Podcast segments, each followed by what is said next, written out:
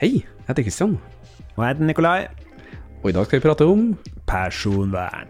Men Nikolai, hva vet du om personvern, da? Hva vet jeg om personvern? Jeg er sånn her hobbypersonvernsfyr som bare går og vifter med, med fingeren til folk. Nei, uh, disclaimer, not a lawyer, men jeg har sertifisering i, som heter SIP. E og SIP-M gjennom International uh, something something eh, privacy something.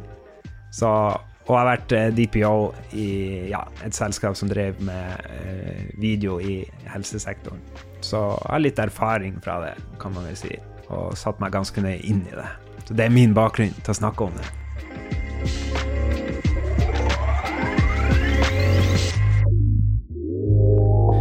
Nei, men eh, personvern i 2021 slash snart 2022, Ja. hva, hva trenger å vite, egentlig? Det er jo masse, går jeg ut ifra. Ja, det er jo det, og bakgrunnen til at vi snakker om det nå, eller vi bestemte oss for å lage en episode om det, er jo fordi eh, det er noe jeg skal prate om, eh, både nå på en intern eh, variantdag, eller fagdag for varianter, eh, og jeg skal snakke om det på Javason. Og til neste år så skal jeg faktisk snakke om det på, på Booster i Bergen òg. Uh, Så kult. jeg tenkte da passer det jo bra både for min egen del å få å snakka litt om det på podcast, og det er også et fint format å, å dele det på. blir uformelt, da. Og så har det vært mye uformelle diskusjoner også internt i både variant og hos kunde, tenker jeg, med altså hvilke systemer bruker vi, og eh, hva er innafor og ikke innafor. Og der har du sikkert mange gode meninger også. Jeg vet ikke om du skal ta opp det på foredraget.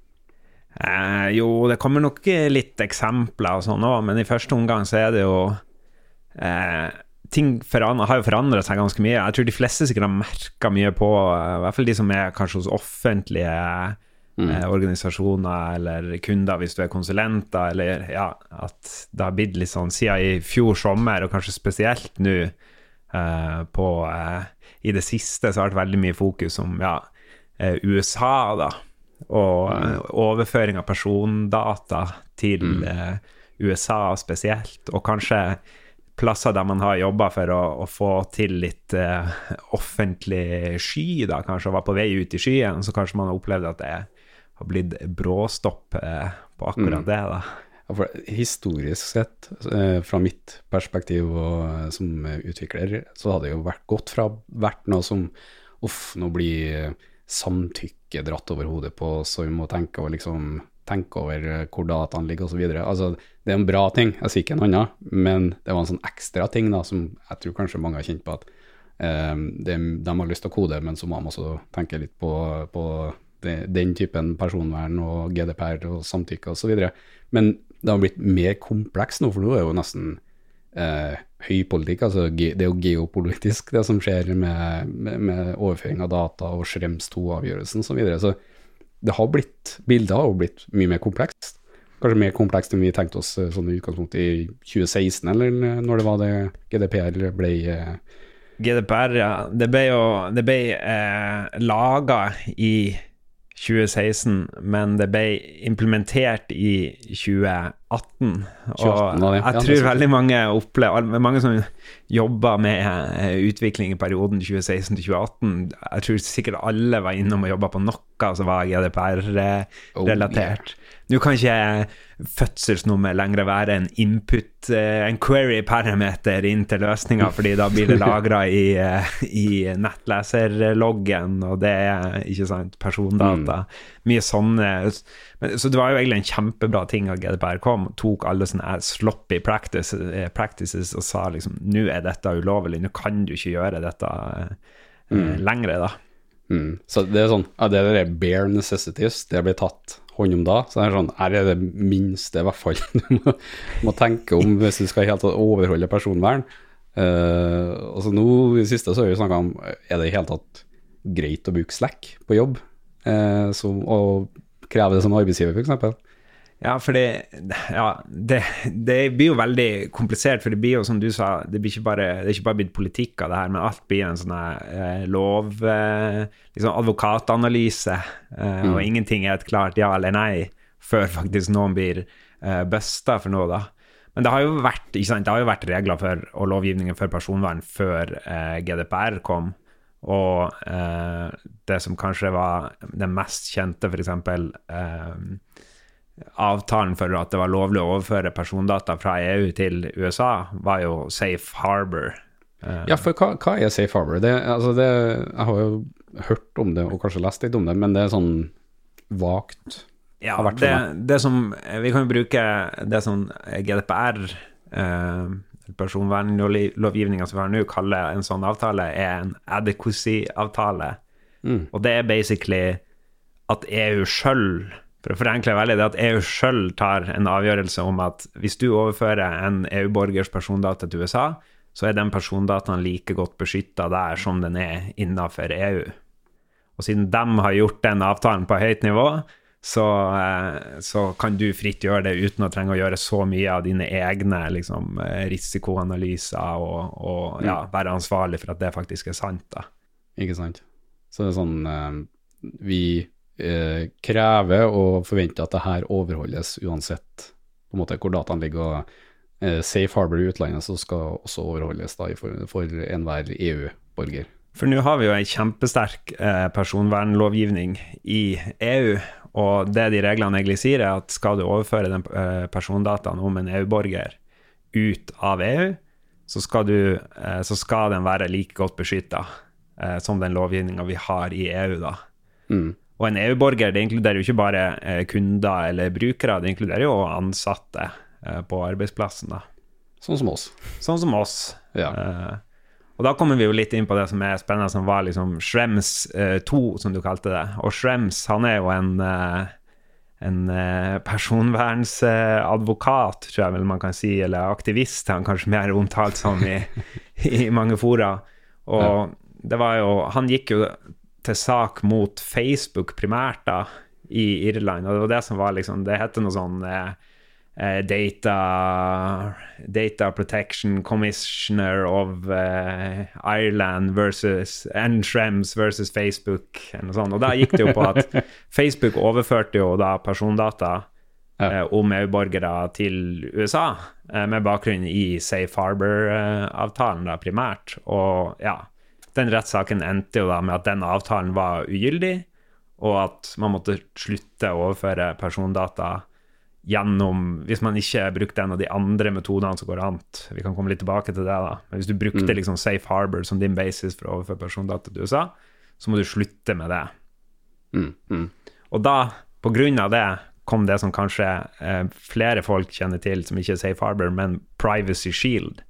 Mm. Og den kom jo egentlig i bakgrunnen av uh, at GDPR var jo så godt som uh, ferdig, for det var òg i 2016, tror jeg. Så den ble mm. laga liksom til å passe det rammeverket, da, og var en ny sånn adequacy uh, decision om at ja, det er safe å overføre da, Eller det er lov til å overføre det persondata til USA. Ok, så um, Men det som ble, altså det som ble felt i Irland, det var, det var den uh, Safe Harbor, og det var på en måte Schrems 1, da, hvis en skal tatt ja. kalle det noe. den rettssaken, eller rettskjennelsen, ble kjent som Schrems 1, da. Ja.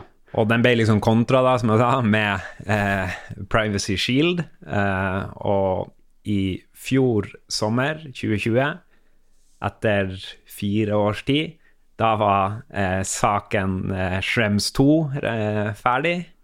Og den felte jo da Privacy Shield, og gjorde egentlig at vi siden i fjor sommer har vært uten den type avtale.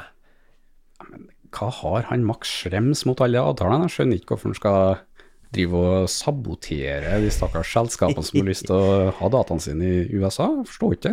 Jeg skjønner på en måte, Med tanke på at det er mot Facebook, så kan jeg veldig sette meg inn i at han, han tar en for laget på mange måter. Han, eh, og så er det jo kanskje bedrifter det in the end treffer hardest, da. Men det var jo spesielt to uh, lovgivninger i USA som felte den adequacy-avtalen. Og, og, det var to sånne intelligence uh, laws uh, ja. om som basically sier at er du ikke US citizen, så, så kan de få en court order og rett og slett få kreve fra amerikanske selskap å få utlevert eh, data om eh, borgere som ikke er eh, ja, US ja. citizens. da. Sånn at Så de bestemte seg at de to lovene gjorde at eh, europeiske borgere sitt personvern er ikke like godt ivaretatt i USA Mm. som i EU. Som i EU, ja. Og, så egentlig per dags dato, så med de to Adequacy-avtalene som er felt, så har vi kanskje ikke noe alternativ nå, da. Nei, det er jo noen Det er jo liksom eh, Det finnes flere måter å overføre på, og det som er kanskje flest folk har sett på i etterkant, er jo det man kaller for uh, Standard Contractual uh, Clauses, SCC, eh, som på en måte alltid har vært en Og fortsatt er ansett som en gyldig måte å overføre persondata. Men det eneste det på en måte som er forskjellen der, er at siden sant, EU kunne ikke EU kunne ikke gå god for at persondataene var like godt beskytta i USA som i Europa.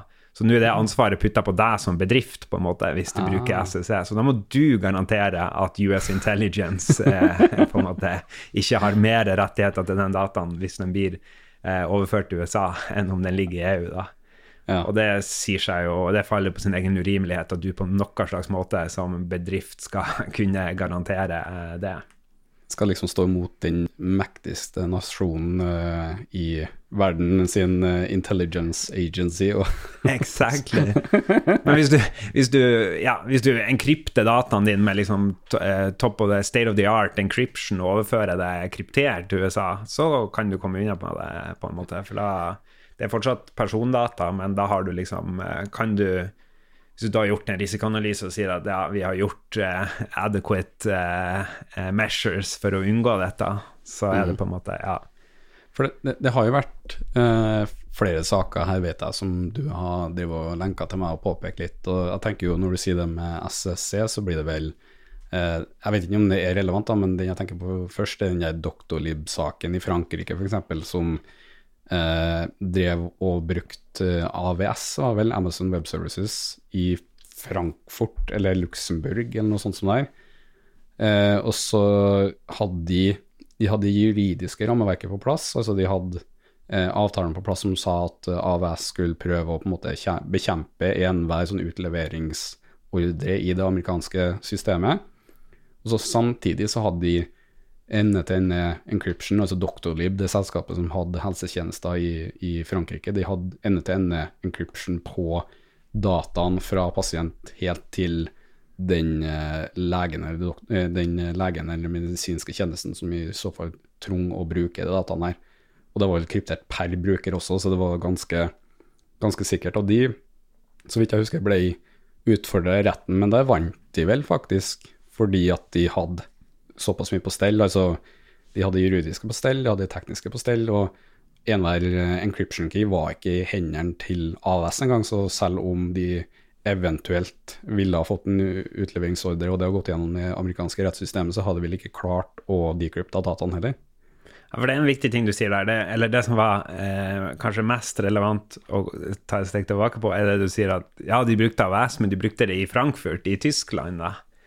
Mm. Og eh, problematikken Så eh, det man fort kan tenke da, ja, men da har du jo ikke overført eh, persondata til USA, så hvorfor er det et problem, da? Og da kommer vi videre på litt den eh, strenge tolkninga av Schrems 2-dommen, som sier at eh, det at du har putta data i datasenter som eies av et amerikansk selskap, som da må etter eh, gi etter for amerikansk etterretning hvis de har en, en court order.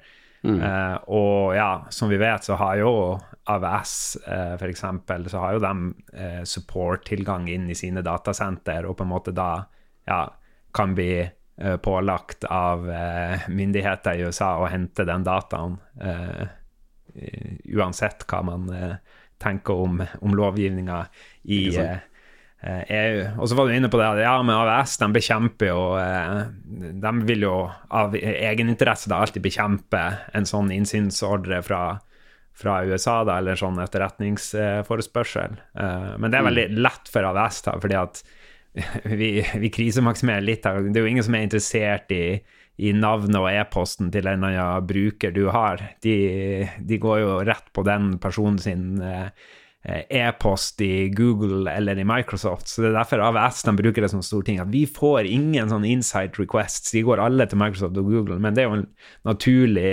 svar på det, og det er at G Suite og, eh, og Microsoft 365 Det er jo der den type requests kommer, da. Det vi prata om litt tidligere også, med Uh, hvor er det interessant i hele tatt å lete for en etterretningstjeneste når du skal se på data. Så de gir jo jo blaffen i helsedataen til innbyggere i Frankrike, så, sånn som Doktorliv og videre. Så eh, det er jo sikkert kommunikasjon, altså e-post, Teams, eh, alt av sånn, kanskje kalenderinnkallelser. Sånn, det, det er jo der den berika dataen ligger, hvor du faktisk overvåker bevegelsene til folk og hvem de kommuniserer med, osv. Ja, da er vi kommet litt tilbake til hvor på, måte, på mange måter er det her veldig sånn advokat- og politikkmat. og at det er sånn, mm. selvfølgelig er egentlig vi beskytter jo dataene våre kjempebra. Liksom det at eh, amerikanske myndigheter de får tak i de her dataene uansett, de dataene vi har. Så det her er egentlig ikke relevant for oss, på en måte. Men ja, det, det har på en måte ingenting å si i denne casen. da. Nei. Og som du var inne på helt i starten, ja, ok. Eh, det jeg sa i starten, var at også ansatte er EU-borgere og like godt beskytta eh, som, som, kunder og brukere. Og, og, da kommer vi jo tilbake til den type verktøy som, som vi bruker mye i vår hverdag, som er Slack, som er Figma, som er Miro. Alle mm. disse er amerikanske selskaper, og de har til og med serverne i USA. Så hvis mm. du på en måte ansetter noen på jobben, og, og de og ja, all kommunikasjon skjer på Slack, da er du på en måte et implisitt eh, krav til dine ansatte om å bruke Slack. Mm. Og legger du dem inn i Slack, så går deres navn og, eh, over til, som er persondata, over til Slack sine servere i USA, f.eks. Da. Mm. da har du mm. plutselig overført persondata til USA. Mm. Og det er jo masse integrasjoner som går inn mot Snack, og alt fra kalendere til whatever tjenester du bruker. Uh, om det er liksom taskføringsverktøy, og det er massevis av metadata som bare Jeg tenkte at du har en eller annen bot som står bare og lytter på en kanal, og så skriver du navnet til en uh, uh, til en bruker som skal ha support på en kanal, mm. og da har du plutselig ikke sånn, ikke bare lagres det på Slack sine servere i USA og overføres dit, men også ja, det er en bot kanskje som leser, og det er en tredjepart som på en måte prosesserer det og mm. uansett om de lagrer det eller ikke, så har de prosessert det, da. Og ja.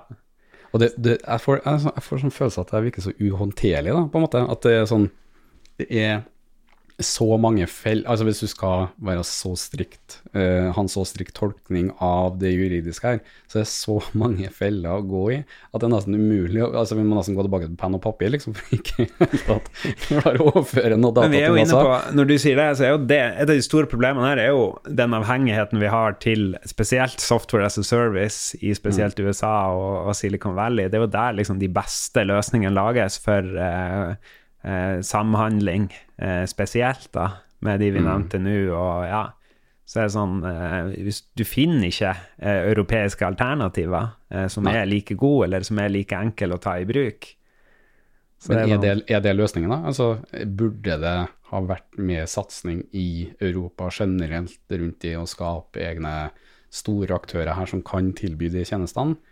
Eh, eller er det andre ting altså, Eller er det juridisk det skal løses, eller hva tenker du? Jeg tenker Det mest fordelsaktige hadde jo vært at persondata var like godt beskytta i USA som i EU. Fordi det er en mm. fri flyt av data på tvers. Det, og det gagner jo alt fra politikk til handel til, til vår eh, jobb, da. At vi eh, slipper å være redd for at de største innovatørene innenfor eh, sky og innenfor software as a service, ja, at vi skal være redd for å bruke det. Mm. Ikke sant. Så, og det, det, er kanskje også eh, større sjanse for at det kommer en avtale på plass, enn at du skal bruke liksom, ti år på å bygge opp en konkurrent til AVS i Europa. Ja, men samtidig sitter jeg med et eh, inntrykk av at EU er ganske hard på det her på politisk plan, så er det ikke sånn at jeg tror det kommer noen ny advocacy-avtale med det første. Å nei? Og da er man eh, men eh, det er garantert at det er et ønske om det, men jeg tror ikke man skal bare sitte og vente på det. Man burde absolutt eh, kanskje mappe ut og risikovurdere hvor er det faktisk man, man eh, ikke har eh, Man ikke er compliant eh, mm. lenger.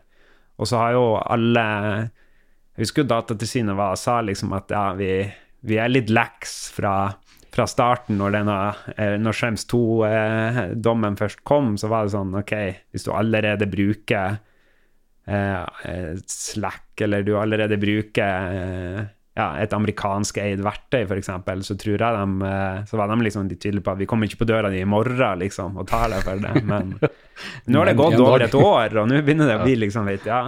Ja, ja.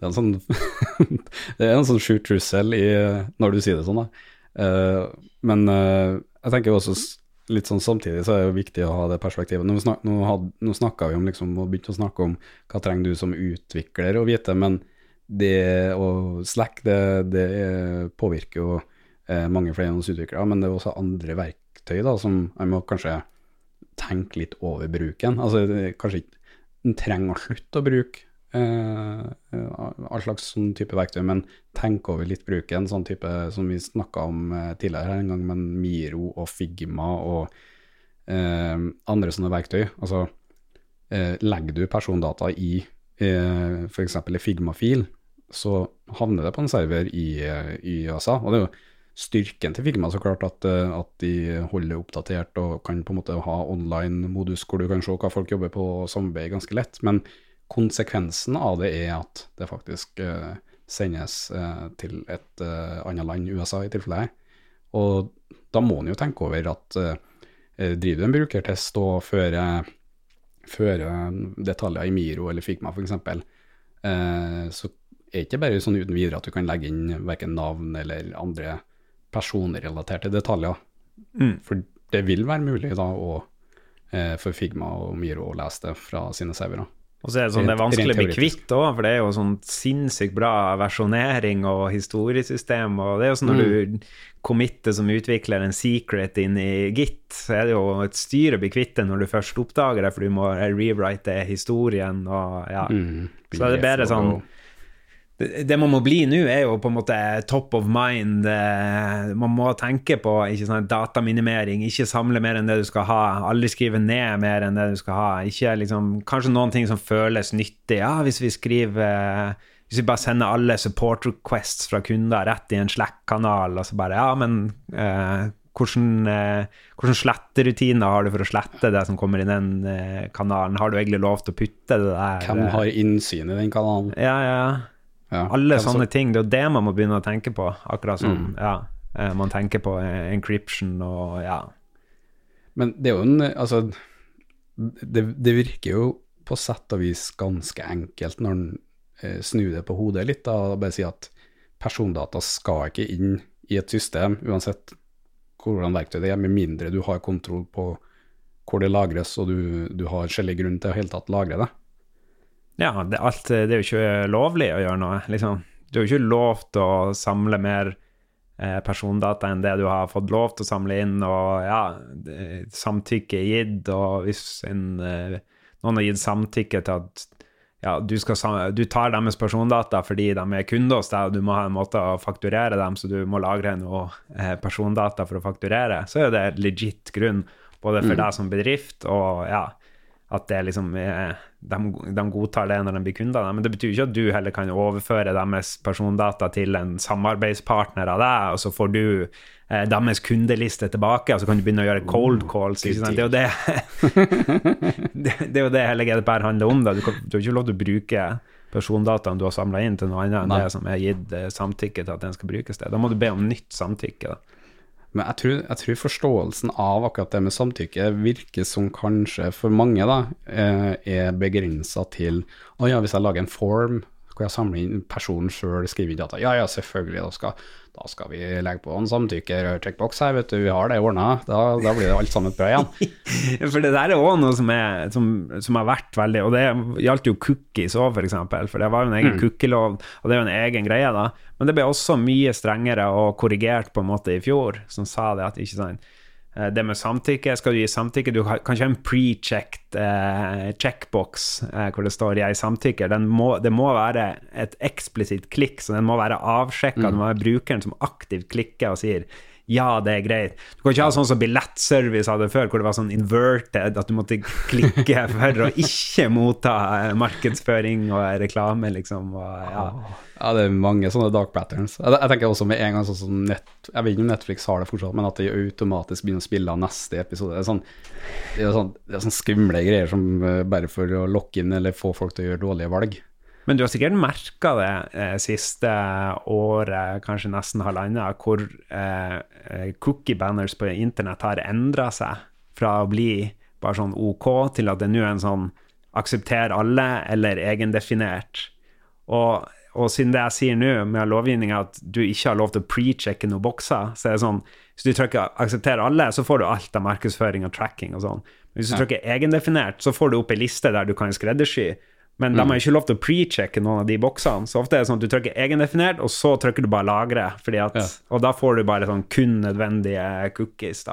og det er liksom de cookie-lovendringene som har gjort at sånne, sånne cookie-banners er blitt mer, eh, mer eh, at du, Det er kun det du ser nesten på nettet nå. Ja. For nå er det ikke noe lenger som heter implicit konsent. Ja, bruker du denne sida, så godtar du cookies, liksom. Det er implicit konsent. Mm. Da blir de felt. Da kan, du, det- ja, men da kan du ikke drive og tracke folk. eh, Da, da kan du selvfølgelig bruke nødvendige cookies, som at ja, hvis du logger inn, så må vi bruke cookies for å identifisere at det er, at det er du som er logga inn når du browser rundt. Det er på en måte en legit grunn for å bruke cookies, men å eh, legge inn sånn eh, Google Analytic-cookies i browseren til folk og tracke hva de gjør eh, Det er ikke noe behov for å ha det for at de skal bruke sida di, på en måte. Så det er en sånn opt-in-ting du må uh, Ikke ja. sant. Men um, konkret, hva trenger du som utvikler, eh, eller designer for den saks skyld? Hvis du i hele tatt har noe med persondata som du, som du må behandle eller utvikle eller eh, designe rundt, hva trenger du sånn rent pragmatisk å vite som en eh, faglig person i 2021?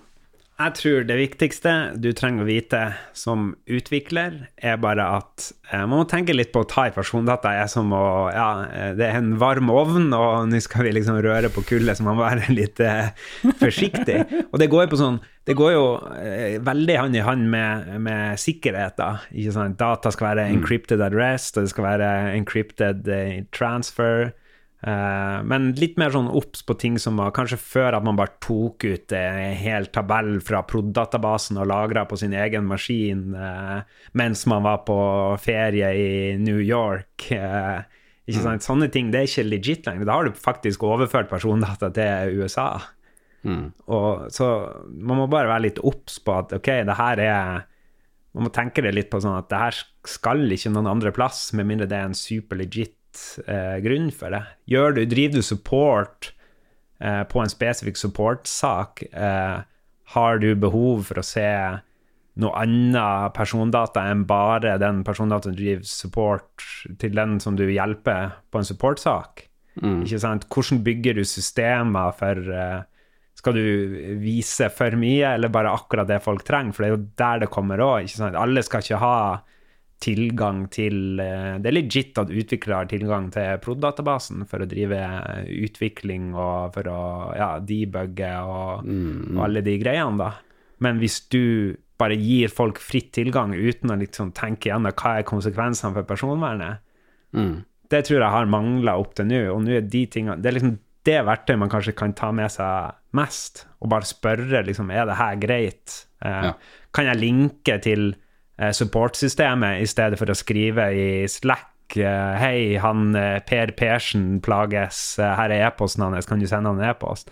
Kanskje du heller sende en link til eh, Sendesk eller whatever du bruker, og si Nei, denne brukeren kan du sende han en e-post, da. For da ligger jo persondataen der. Og den er tilgangsstyrt gjennom at Ja. de som ikke sant, du må ha innlogging for å komme inn, så da ser ingen som ikke skal se den persondataen, den persondataen. da. Mm, mm. Så bare det mindsettet rundt Ja. Prøve å isolere den. Og det går jo på tvers av eh, som du sier, support og andre faglige, faglige tilnærminger, om det er utvikling eller design eller testing, eller bare tenk som person og ansatt, men også som bedrift over hva har folk egentlig nødvendighet til å se til enhver tid. og, og ta gode valg deretter. Eh, For det er jo sånn som, eh, som du sier, design, da. Hvis du skal eh, drive noe brukertesting, eh, og så har du noen skisser, og så er jo alle vet jo at det designet de liker alltid samme Figma eller Mira, Miro-board, og det er Oh, enormt, ikke sant. Da må du tenke på det. da. Ok, kanskje for denne brukertesten, hvis jeg skal faktisk putte inn og Nå har vi vært innom på om det er greit eller ikke å putte det i akkurat de verktøyene, da, men hvis vi ser bort ifra det, da, så skal du uansett tenke at Eh, hvis jeg putter noe persondata inn i et verktøy, så, og det skal være noe annet, så jeg skal dele med noen som ikke trenger å se den persondataen, så burde det vært delt i to forskjellige ting. da.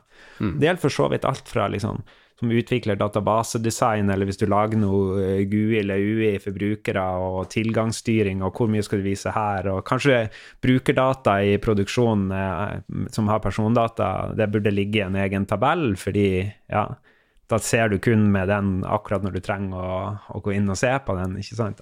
Bare sånn mindsettet man må ha, det er at ja, persondata er litt hellig. alt det her er jo egentlig da Det er jo mer relatert til sånn generelt personvern enn at du f.eks.